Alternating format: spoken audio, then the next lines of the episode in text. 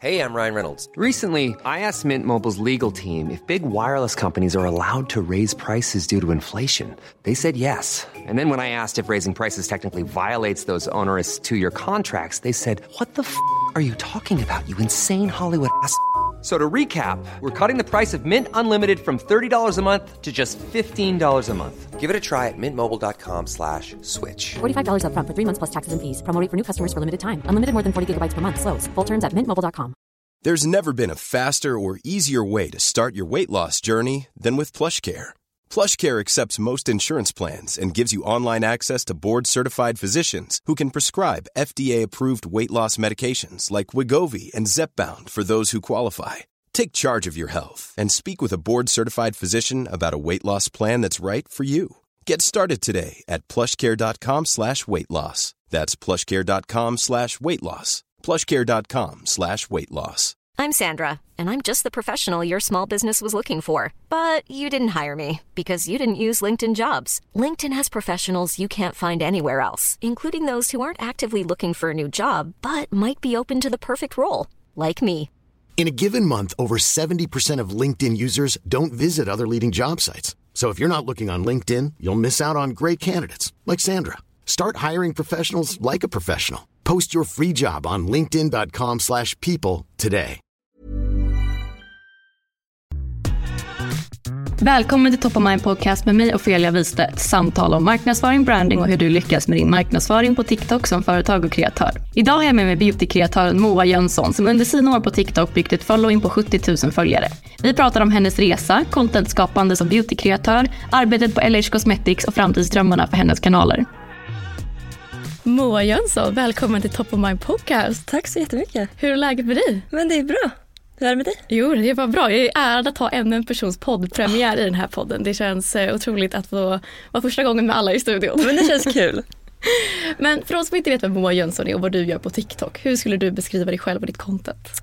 Jag skulle beskriva mig själv som en eh, jordnära, eh, väldigt ödmjuk eh, 24-åring som älskar beauty.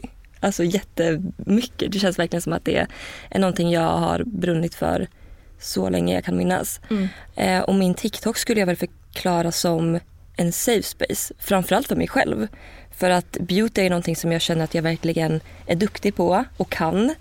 Men också en safe space för de som tittar på mina videos. För att jag är så himla skonad från hat och elaka kommentarer. Så jag tror och hoppas de som kollar på mina videos känner att här kan jag kommentera utan att bli påhoppad och Mm. att jag heller inte dömer. Och det har väl varit viktigt för mig ja, men ända från början egentligen. Ja, jag tänkte säga, det känns som att det är så himla god stämning på din kanal och du började ju 2021. Hur gick tankarna när du började? När kände du så här, men gud, jag ska börja med TikTok? Det var väl i en pandemi som för många andra antar jag. Liksom många började för pandemin kom och man satt mycket mer hemma.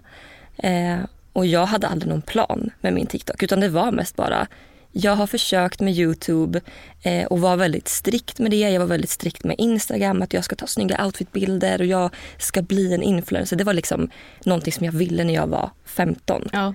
Eh, och sen när jag la ut min första video 2021 så kände jag bara så här, jag har lagt hela den drömmen bakom mig. Nu gör jag det för att jag tycker att det är kul. Jag älskar skönhet. Och la ut en video när jag sminkade mig bara. För Ja. att det var roligt. Liksom. Jag tror att det där är så viktigt att tänka på när man vill börja med TikTok. Jag pratade om det i mitt frågeavsnitt. Att så här, börja med ditt varför. Varför Mm. vill du lägga ut på TikTok? Du måste göra det för att du tycker det är kul. Det går inte att inte Nej. göra det. Som du säger, så här, om du skulle fortsätta med kläder och försöka göra outfits. Nej, men det hade kanske inte funkat i det långa loppet. För du är så här, jag bryr mig inte om kläder. Jag tycker beauty är kul. Exakt. Och jag tror att många kanske startar så här, jag ska bli influencer jag ska tjäna pengar på det här. Och då tror jag att man tappar sig själv på vägen lite grann. För det ska ju vara roligt. Det blir inte bra annars tror jag. Ja, och det öppnar ju upp för att det blir mer ett safe space. Att det är så här, det här är jag, min personlighet. För att som sagt, det räcker inte så långt om man inte är sig själv. Nej, jag tror att det är ett vinnande koncept faktiskt. Ja, men ditt content, du har ju kört väldigt mycket på beauty-spåret och du är ju typ en av de första riktigt nischade beauty-kreatörerna jag har med nu i podden, vilket är jätte, jättekul. Kul. Men du försöker ju väva in lite mer lifestyle nu också. Hur arbetar du med ditt content idag och det du lägger ut? som jag var lite inne på, alltså jag vill att det ska vara kul hela tiden. Och mitt liv är ju inte bara beauty heller. Men det kändes kanske lite läskigt någonstans att, att skifta från att ha varit bara skönhetsrelaterat content till att kanske väva in lite mer personliga grejer.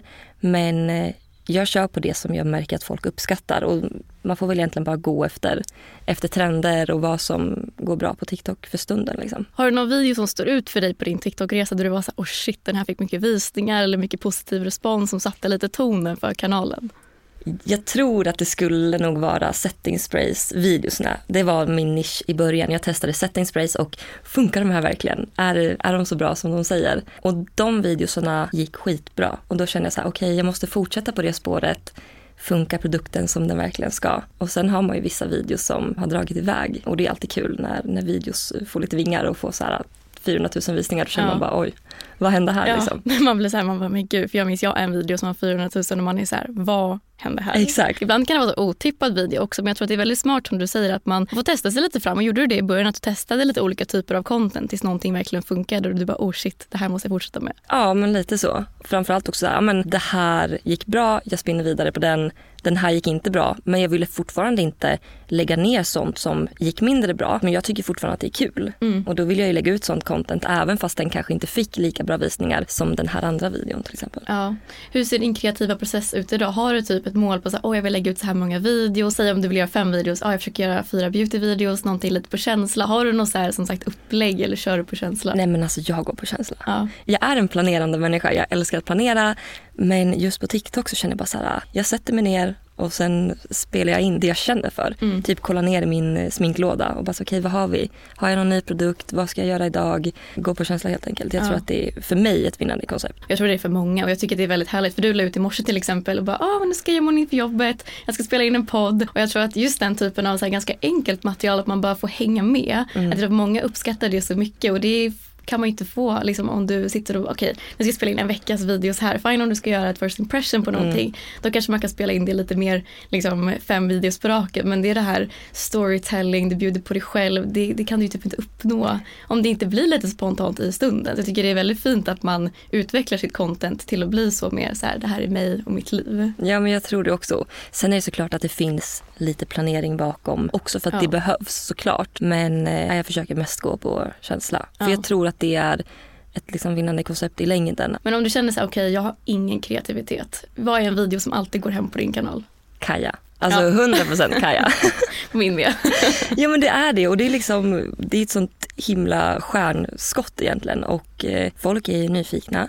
Men jag tror också att anledningen till att Kaja-videos går bra är för att folk letar också lite negativ feedback för att man vill att det ska vara dåligt bara för att det är Kaja. Liksom. Men det tycker jag är så tråkigt när det blir då att folk vill se en viss typ av content för att man vill hata. Att så folk älskar att hata på Kaja vilket är så tråkigt. Jag som det... jobbar där och ser liksom alla är så jävla duktiga och det är så jävla grymt företag men eh, folk gillar att hata. Ja och det är så jävla tråkigt att man riktar in sig på det. Och sen är jag också en kreatör som är för konstruktiv kritik och att man liksom ska få vara ärlig med mm. liksom vad man tycker och tänker. Men man behöver ju liksom inte vara elak för det. Hur skulle du beskriva klimatet som beautykreatör i Sverige? För som sagt, jag har pratat mycket med lifestyle-kreatörer, träningskreatörer, hudvård där det kan vara väldigt olika beroende på vad du har för nisch, hur klimatet runt omkring kan vara. Hur skulle du beskriva beauty-Sverige om man känner så här, åh gud jag skulle vilja med in i beautyvärlden men vet inte om jag vågar? Alltså jag älskar ju beautyvärlden. Jag tycker att den är jättehärlig och det finns ett väldigt fint community. Men det kan också vara ganska smutsigt vad jag, vad jag tror och tänker. Jag är ju som sagt ganska skonad från hela den elaka biten. Det är framförallt ett community som jag känner att jag vill vara en del av. Och Jag tror att det handlar så mycket om, som du säger, så här, jag vill att min kanal ska vara här. Om du inte godkänner liksom, att det ska kommenteras elaka saker eller något sånt där. Då man får ju skapa lite stämningen själv. Okej, det här vill inte jag ha på min kanal, det här vill jag ha det.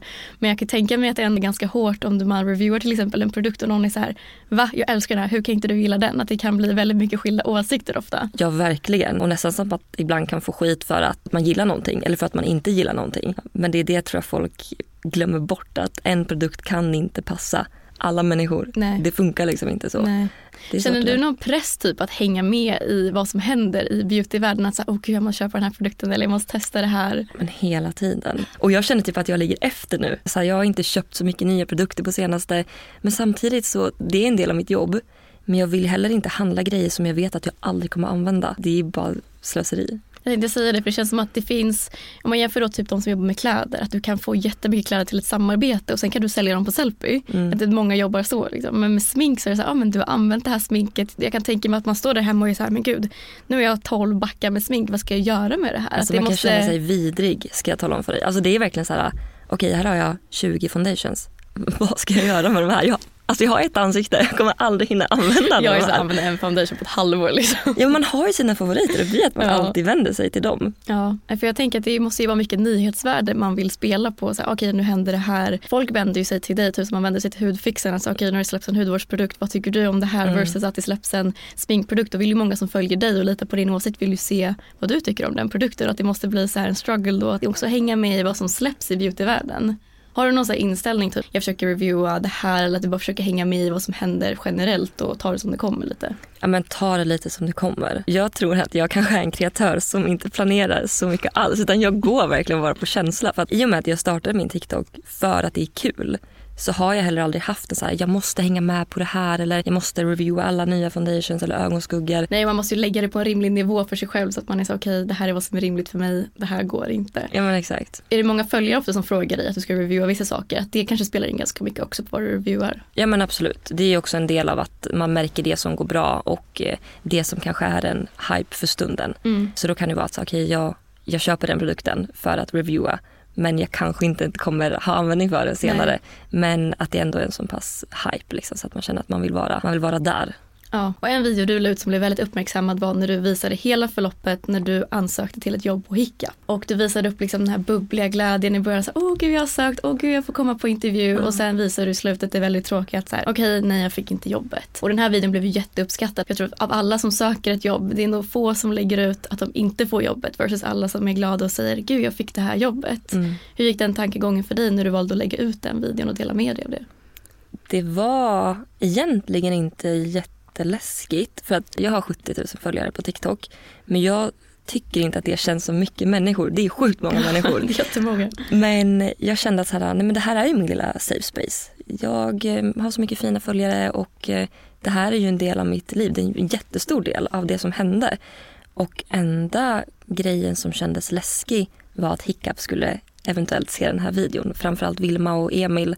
Eh, det var väl det som kändes som ett steg att ta. Men jag funderade inte så mycket utan kände att det här är en del av mitt liv och jag vill dela med mig av den ledsamma sidan också. Ja, och det är väldigt fint att man kan visa upp att det inte alltid är toppen och att allt går inte alltid vägen men att det ena leder till det andra och det känns som att du fick så himla mycket positiv respons också och så här gud, de kommer ångra det här, Typ så väldigt Ja. peppigt. Och jag tror att det är viktigt också att så här, man visar en verklighet. Jag försöker vara väldigt noga med det, men både på Instagram och på TikTok och visa att så här, mitt liv är inte perfekt. Det är inte nystädat hela tiden. Jag är bara människa jag också. Liksom. Och jag tror att många uppskattar den typen av innehåll. Mm. Men den här stängda dörren på Hiccup ledde ju till en öppen dörr på LH Cosmetics där du jobbar idag. Kan du inte berätta om hur de kontaktade dig och vad du gör där?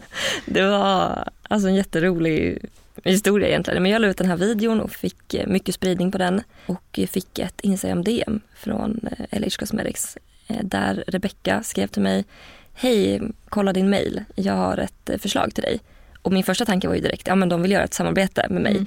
Jag hade fått lite PR innan från dem och kände att ja men eh, kul att samarbeta med, med dem. Och sen eh, så skrev hon det att ja, men jag såg att du inte fick ditt jobb som du sökte på Hiccup. Vill du ha ett möte?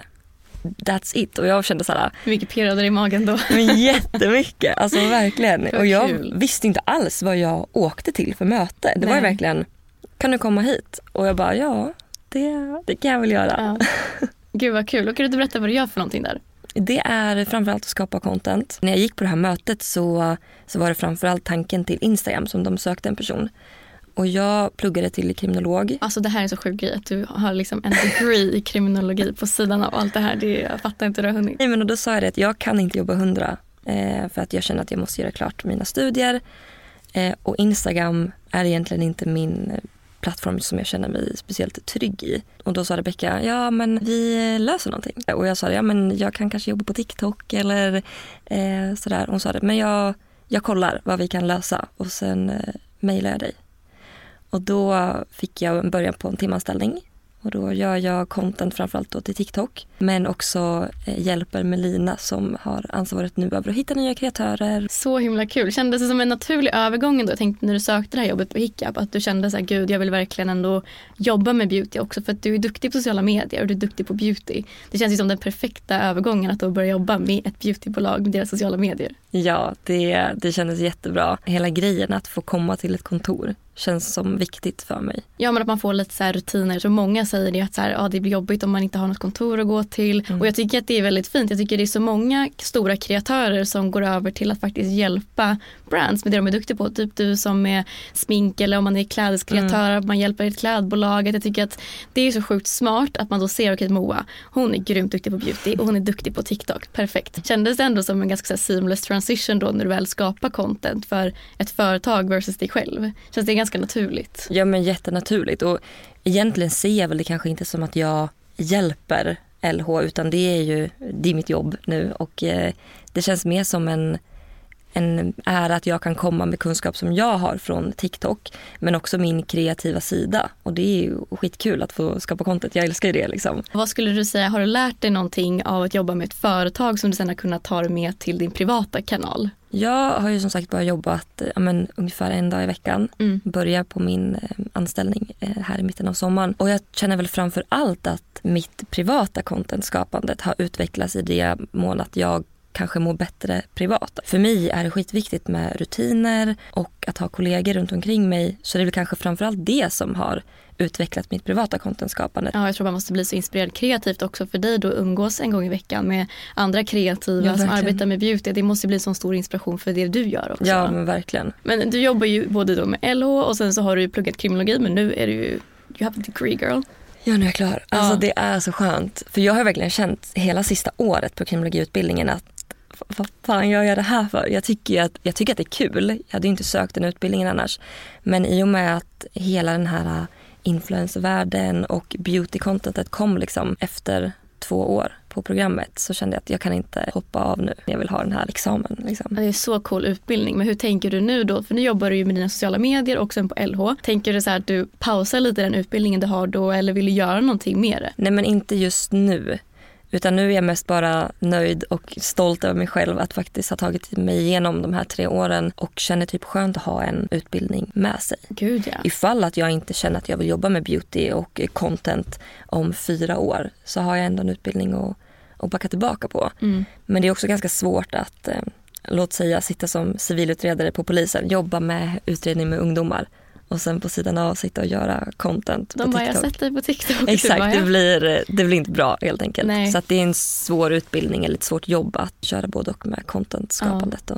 Men det är så himla fint att bara ha gjort den utbildningen och ha det i ryggen och som du säger då kan du köra på det här spåret om det känns rätt nu och sen kan man ha någonting att luta sig tillbaka på om du vill byta spår helt. Mm. Att det är så himla bra. Men som du sa, du jobbar ju med sociala medier nu. Hur tänker du när du arbetar med samarbeten? Har du något favoritföretag du vill arbeta med? Är du ganska kräsen när du väljer samarbeten? Hur jobbar du? Jag eh, vill alltid att mitt innehåll ska vara äkta. Så att jag skulle aldrig göra ett samarbete med en produkt som jag aldrig själv skulle använda. Dels för att det skulle bli en skitdålig video. alltså det skulle verkligen inte bli bra. Det skulle vara så genomskinligt att men hallå den här bruden använder inte ens den här mascaran eller den här bronsen eller vad det kan handla om. Ja. Så att jag gör bara liksom samarbete med företag som jag känner till sedan innan och är det så att jag inte känner till det här företaget sedan innan så vill jag ju såklart testa produkten om jag inte har gjort det eller läsa på om Hiring for your small business? If you're not looking for professionals on LinkedIn, you're looking in the wrong place. That's like looking for your car keys in a fish tank.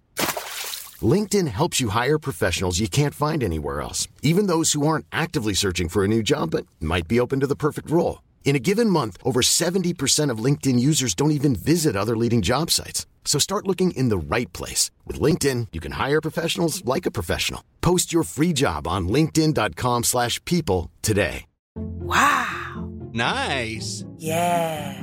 What you're hearing are the sounds of people everywhere putting on Bombas socks, underwear, and T-shirts made from absurdly soft materials that feel like plush clouds. Yeah, that plush. And the best part? For every item you purchase, Bombas donates another to someone facing homelessness. Bombas. Big comfort for everyone. Go to bombas.com slash ACAST and use code ACAST for 20% off your first purchase. That's bombas.com slash ACAST. Code ACAST. Företaget. Och jag tror att det är skitviktigt att vara noga. Annars så tappar man sin trovärdighet. Och utan sin trovärdighet så du skulle... Nej men det är ju verkligen så. Ja, Nej, jag tror att det är jätteviktigt och vi har pratat mycket om det att det är så mycket bättre att vara selektiv. Välj hellre få men bra än att du bara liksom säljer ut dig jättemycket samarbeten för att Mm. om folk känner då till slut att ah, men du gör bara liksom det här för pengarnas skull Mm. att då du kommer inte ha någonting i slutändan och hellre Nej. vara lite restriktiv, gör bara bra saker och sen bygg på det stort. Mm. Har du något drömsamarbete? Nu tror man ju kanske att svaret hade varit eh, något jättestort eh, beautyföretag eller sådär. Jag kommer ihåg att när jag fick eh, frågan om att göra samarbete med Sephora. Då Det måste jag, vara stort. Då kände jag bara såhär, nej men jag är klar nu. Mamma I made it. Ja men alltså verkligen. Moa 15 år, you made it. Jag kommer ihåg när jag åkte till, till Stockholm första gången när jag var kanske 15-16 och fick gå på en Sephora-butik. Du vet såhär, wow. Jag är här nu. Ja. Och när de mejlade mig bara, hej vill du göra ett samarbete? Jag kände bara, nej men det är ju något fake mail. circle moment. Ja men alltså jag blev verkligen så stolt över mig själv att jag nådde dit. Och det är klart att det hade varit fett att göra samarbeten kanske med Kaja men eh, svenska handbollslandslaget. Nej, berätta. Jag är handbollstjej och har alltid spelat handboll. Förstå vad fett att kanske vara med lite så behind the scenes, filmat på träningarna, filma under ett mästerskap. Jag tror bara att jag hade tyckt att det var skitkul. Här flygande journalist, content creator, lite ja, aktigt. lite så. Ja. Jag känner så här, varför nöja sig med att göra en grej? Man Har- kan väl Ja, har du sett Emily Nilsson? Ja, När hon är flygande journalist på hockeymatch. hon är otrolig. Wow, alltså och hennes dotter, off. Vilket genibarn. Nej men det är så spännande. Så det känns som liksom så här drömmen. Har du något annat du känner så här, åh gud det här har verkligen varit en kul riktning för din kanal. För att det du nämnde var nu beauty och så någonting som verkligen inte var beauty. Vilken riktning känner du att du skulle vilja ta dig om du fick drömma stort? Så jag vet egentligen inte. Jag känner att jag gör det här så länge jag tycker att det är kul. Eh, och ta de möjligheterna som, som dyker upp och sånt som jag känner att det här kan jag stå bakom och det här tycker jag är kul. Eh, jag är inte driven av pengar eller följarskaror utan jag känner att så här, jag får utlopp för det här, min kreativa sida, jag har skitkul på jobbet och känner att så länge jag tycker att det är kul så länge kör jag och tar de möjligheterna som ges egentligen. Ja, jag tror det är så viktigt. Men jag tror inte man ska vara driven av pengar, då är man inne i fel bransch. Att så här, absolut, du kan tjäna mycket pengar på det om du blir jättestor och är jätteduktig. Men du kan göra så mycket kul. Så jag tycker det är en jättesund inställning att ha. Jag tror många kan bli lite blinda i allt det här. Åh, mycket pengar, mycket visningar, att bli någon så här kändisskap. Och jag tycker du känns så himla genuin. Jag tror det är därför du har blivit väldigt stor. Att för folk känner så här, någon man verkligen kan relatera till den typen av content är så, så bra. Men Moa, du har ju även nyligen börjat med YouTube. Ja. Pinnfärsk igång igen på YouTube. Oj, oj, Berätta oj. allt om det här. Nej men det är skitläskigt. Ja. Det är så läskigt. Jag tycker också Instagram är jätteläskigt. för att det känns som att där ser folk mig. För att jag har liksom bara 4 000 följare på Instagram. Vad kan jag ha? 500 prenumeranter på Youtube. Och det känns så läskigt. Men TikTok känns inte alls lika läskigt. Och jag vet inte vad det är. Jag tror att det sitter lite hårt inne från att man var den här småstadstjejen som trodde att hon var någonting när hon la ut en Youtube-video. Jag tror att det sitter ganska hårt i mig att, ehm, att sticka ut. Det, det gör man liksom inte om man är från en, från en liten stad. Så det känns läskigt, men kul. Men jag tror alla känner lite så. Jag tror du måste ha känt så när du la ut första TikTok-videon också. Ja, men, jo, jo, men det är klart att, att det kändes läskigt. Eh, men då hade jag kanske ändå kommit till det stadiet att nu, nu bara kör jag. Ja. För att jag själv brinner för det. Men det är så man måste tänka. Jag tror att många känner så här att typ YouTube och Instagram är så mycket mer läskigt än TikTok. Alltså jag, alltså så här, över min döda kropp att jag skulle prata till kameran på Instagram. Men TikTok, alltså gud det är ju det enda jag gör, jag bara babblar på liksom, Ja. till kameran. Ja. Varför är det så stor Varför skillnad? är det så? Det känns bara som, för mig, en skön plattform. Men TikTok kan ju vara vidrigt. Ja, Alltså verkligen. man får försöka hamna på rätt sida av TikTok liksom, Ja. med hat och så. Men vad är drömmarna för YouTube-kanalen? För jag tror så här, jag tror alla känner lite jante i början. Man bara, oh gud vem är jag? Vad ska jag göra med det här? Liksom? Mm. Vem ska sitta på mig? Men så här, alla började ju någonstans. Mm. Om man ska vara klyschig. Men liksom med TikTok, så här, du började med noll följare också. Ja. Och nu är det 70 000. Liksom. Man Ja, måste ju börja någonstans. Mm. Vad är liksom målet med YouTube-kanalen? Vad vill du visa upp för typ av content där? Vill du att det ska bli en förlängning av din TikTok-kanal eller ska det bli lite annan sida av Moa? Jag tänker att det ändå kan bli en liten annan sida av mig. Lite mer personlig. Eh, lite mer vloggandet kanske. Och jag känner ju ibland att men jag har så jävla mycket att säga så TikTok räcker liksom inte till. jag har så mycket mer jag vill säga. Både kanske om mitt privatliv men också om skönhetsprodukter som jag recenserar och gör reviews på. Och då känns ändå Youtube som en bra plattform för det. Mm. Där finns det liksom möjlighet för längre videos som folk faktiskt kollar på. För gör man en video på fyra minuter på TikTok, då får man ju knappt visningar. Liksom. Folk orkar inte hålla sig engagerad så länge på TikTok. Många spår ju att Youtube kommer komma tillbaka nu. Att folk kommer bli trötta på det du säger. Man, man kollar inte på en fyra minuters video på TikTok. Mm. Utan jag tror många blir lite trötta på det här väldigt korta. Och jag tror att Youtube är på väg tillbaka. Men eh, det blir en helt annan sak som krävs från kreatören att hålla på med Youtube. Hur kommer det kännas för dig? Det blir ju väldigt mycket mer som måste filmas, redigeras. Vad är ditt upplägg? Liksom, hur tänker du? Kommer det bli lite som med TikTok? Så här, jag kör på feeling. Det får bli liksom bara Moa på feeling. Ja, men jag tror det. Jag jobbar inte bra under press tror jag. Så att jag känner att så här, jag filmar om jag kanske har något roligt. Jag filmar när jag känner för det till Youtube helt enkelt. Jag tror att det är den rätta vägen att gå för mig. Och sen har ju inte jag något jättemål att jag vill nå si och så många följare eller jag vill eh, kunna tjäna pengar på min Youtube-kanal utan jag gör det för att jag tycker att det är kul. Helt. Ja, och jag tror det är jättebra inställning. Och det är ju så här, som du nu som har ganska nyligen börjat jobba med, då med liksom sociala kanaler på heltid efter att ha pluggat och allting. Att det är väldigt smart att bredda sig. Att man inte bara har en kanal. Ja, men nu tror jag inte att TikTok kommer läggas ner. Men man eller vet bannas. aldrig. Man vet aldrig. Och då är det ganska skönt att du kan känna sig okej, jag har min Youtube om allt går åt helvete. Att kunna luta sig mot. Då har jag lite jobb att göra dock. Ja, Man måste ju börja någonstans. Jag började i dippen för Youtube är alltså jag själv kollar ju inte ens på Youtube. Jag känner själv, jag har inte kollat på Youtube på jättelänge heller men typ nu har jag börjat gå in och kolla på typ Filippa Toremo, tycker jag är så bra, kollar Mm. jättemycket på. Och Bianca kollar jag såklart. Men jag tycker det är kul de som man har lite i sin så här närhet att kolla och stötta. Mm.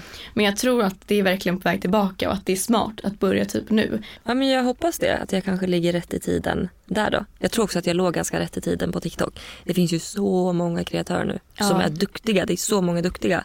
Så det är nog svårt att eh, sticka ut. Liksom. Ja, för det, det tror jag också att det handlar mycket om att börja. Nu började inte du så här 2019-2020 som många av de största men det är svårt att komma upp i 100 000 följare om du inte började väldigt tidigt på plattformen. Det är ju få. Ja. Typ som Emelie Nilsson, stjärnskott liksom. Men alltså vilken kvinna. Ja. Jag är helt imponerad. Alltså wow. Så jag tänker det är en sån resa du får göra på Youtube här nu. Men jag tror att det kan vara jättekul att se typ, ja, men ditt liv, ja, men det här jobba på LO. För du lägger inte ut så mycket ja, men på TikTok vad du faktiskt gör och pratar så mycket om det på din Nej, TikTok. Jag kanske borde det men alltså tiden finns inte till. Det kontoret det bara sprudlar av eh, idéer hela tiden och Ja. jag är fortfarande ganska ny på jobbet så jag känner inte heller att jag vill göra liksom privata content och sådär när jag är på jobbet utan då är det fullt fokus på, Mm. på det jag faktiskt ska göra.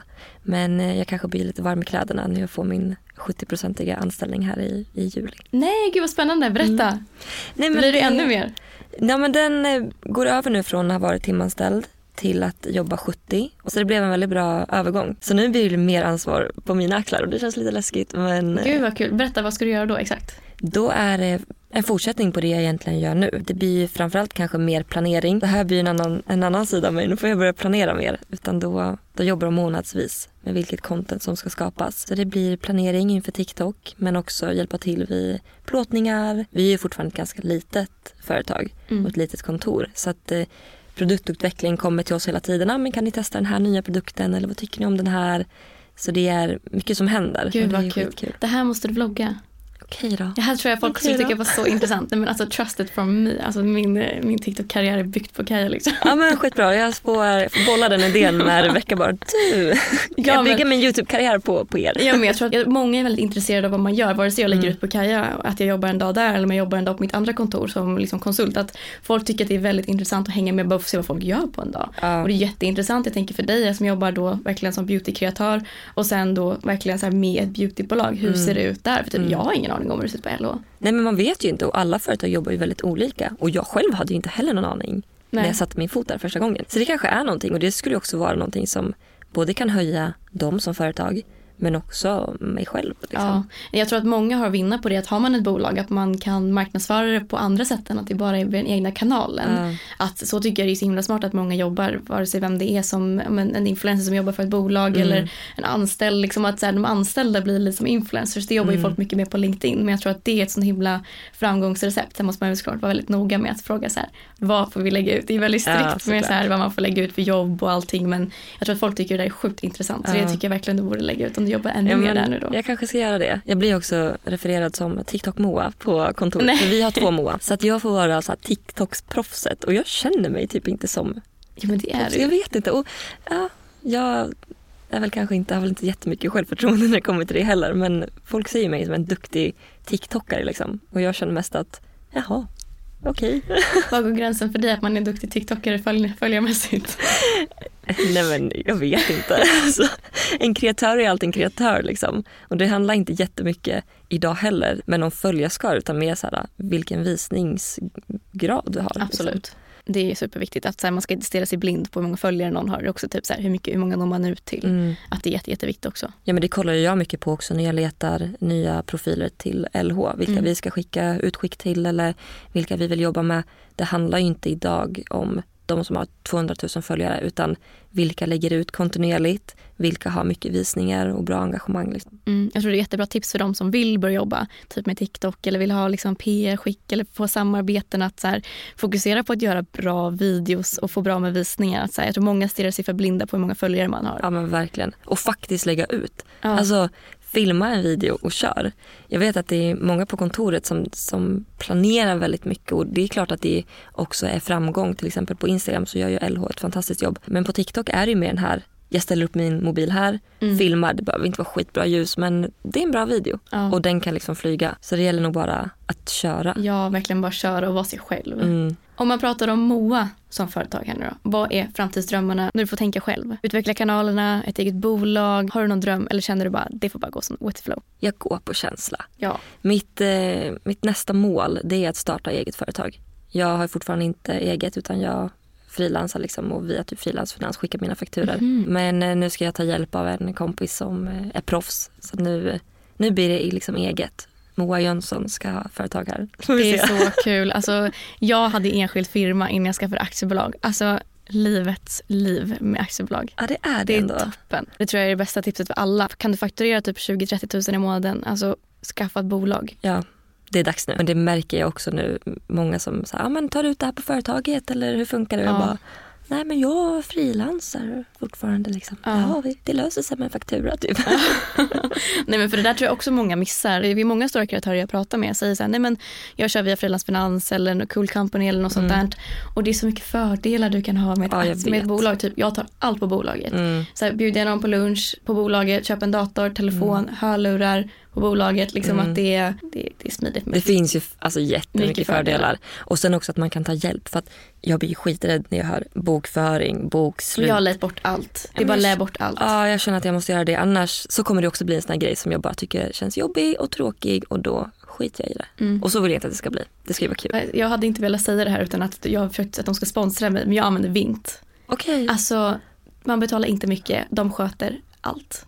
Vint alltså. Ja. Mm. Så jag, jag har försökt lägga spons på det här men de har inte gjort det än. Men, eh, de, det, där, men det här kanske är en väg in. Du har ja. nämnt dem en gång nu i podden. Mm. Vint, mm. sponsra podden. Hör ni det här? Nej men alltså, så att jag tror att jag tror många ser på att ha typ ett aktiebolag att det är väldigt så här, svårt och, så här, och som du säger, och jag får också bara kalla kåre, jag tänker på Skatteverket. Men att så här, det finns så mycket bra hjälp till väldigt bra pris att det är, liksom, det är inte så svårt som, det, som man tänker. Nej, Nej men det gäller nog bara att eh, ta tag i det. Ja. Men det har varit ganska mycket. Men studier, så jag har jobbat ja, jag 100% på TikTok, jag har varit personlig assistent. Ja, ja, det har varit mycket. Bara. Ja men jag fattar det. Mm. Men när Moa är inne och scrollar på TikTok, har du någon favoritkreatör? Hur ser din For you-page ut? Alltså jag, eh, jag hamnar i liksom perioder tror jag. Nu är jag inne i en period där jag bara får upp massa folk som klämmer finnar och jag tycker att det är så himla härligt att kolla på. Du är en sån. Men eh, jag får upp mycket smink såklart. Och sen eh, nu i och med att jag börjar jobba mer på LH så blir det extremt mycket smink. För att det är ju det jag kollar mest på och mycket utländska kreatörer som jag får upp. Mm. I och med att vi LH jobbar liksom mycket med utländska kreatörer också. Mm. Och sen blir det lite matlagning emellanåt och lite finnar. Har du någon favoritkreatör som du tycker om väldigt mycket? Jag tycker om Frida. Eh, TikTok-Frida, hon ja. gör ett skitbra jobb. Har du någon så här du brukar titta på för liksom inspiration? Typ, vad brukar du ta din inspiration från på TikTok? Scrollar du mycket för att själv hitta idéer till videos? Ja, och de kreatörerna har jag ingen aning om vad de heter för det, det kan vara verkligen högt och lågt. Vissa som har 400 följare, vissa har någon miljon. Men jag lägger liksom inte namnet på minnet utan det är mycket utländska beauty-kreatörer. Eh, och sen kan jag få mycket inspiration från, ja, men från mina vänner också. Men Amanda Blom, Paulina, eh, vilka har mer? Minna Salander. Mm. De är också mycket content som jag liksom brukar göra och som mina följare också tycker om.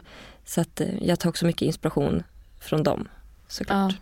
Nej, jag tror att det är jätte, man behöver inte alltid uppfinna hjulet. Nej. Att om man ser någonting så okej okay, det här var jätteuppskattat här, hur kan jag göra det till mitt eget? Sen klart, klart ska man inte så här kopiera någon men att så här, hur kan jag göra det till mitt eget? Mm. Att eh, det är väldigt smart. Jag brukar scrolla jättemycket på TikTok Mm. för inspiration till mina egna videos. Hur kan jag göra det här till någonting? Och jag pratade med Nor Saleh som har ett Instagram och TikTok-konto som heter Nor käkar. Mm. Och hon sa ju det, hon bara, ah, men jag kan se en lifestyle-kreatör göra någonting. Och då Mm. tänker jag så här, hur kan jag göra det här matvarianten? Att Mm.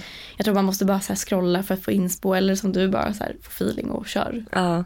ja, men jag gillar också så här om jag ser ett företag har gjort en video och påstår kanske att någonting ska vara vattenfast eller påstår att det här ska hålla i 12 timmar och då är jag så här, ja.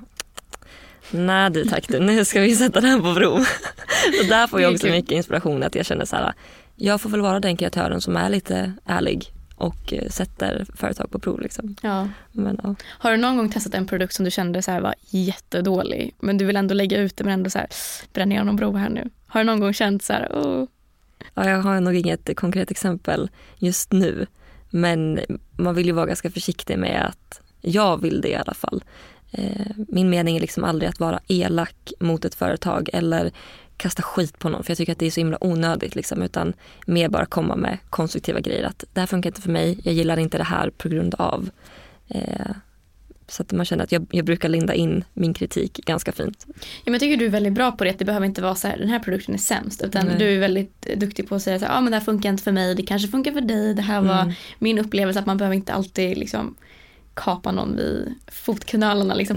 Lilla man inte gillar någonting. Nej och det är ju aldrig min, min mening heller liksom att, att som sagt vara elak. Och jag tror att man kan lägga upp det på så många andra sätt än att bara rata. För att vi influencers har ju sån himla makt över vad folk köper och vad folk inte köper. Gud ja. Så att det, jag tror att det är viktigt att vara transparent i att så här, jag gillar inte den men du kanske gör det. ja. Jättebra. Och avslutningsvis, vad skulle du säga är ditt bästa tips till up and coming kreatörer på TikTok? Jag skulle nog säga var dig själv. Våga vara dig själv. Eh, det kan vara skitläskigt att lägga upp liksom, det här är jag, öppet och ärligt. Men det går hem. Eh, och sen ja, lite som det känns som att hela avsnittet har speglats i att ha kul. Ja. För jag, jag funkar inte under stress och press och jag tror att det är få som gör det. Att man känner att jag hela tiden måste producera, producera, producera. Gör det för att du brinner för det och inte för att du vill kanske ha det som jobb eller ha det som inkomst. Liksom. Jag tror att det är viktigt. Och sen bara tuta och kör. Ja. Jag säger efter det, kör bara kör. Ja men våga. Så bra tips. Moa Jönsson, stort tack för att du var med i Top of Mind Podcast. Tusen tack för att du hade mig.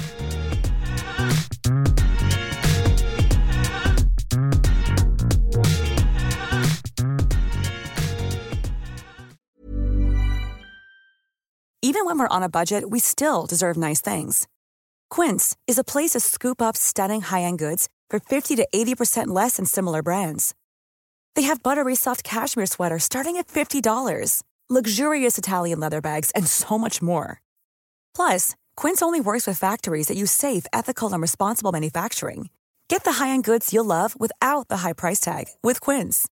Go to quince.com slash style for free shipping and 365-day returns.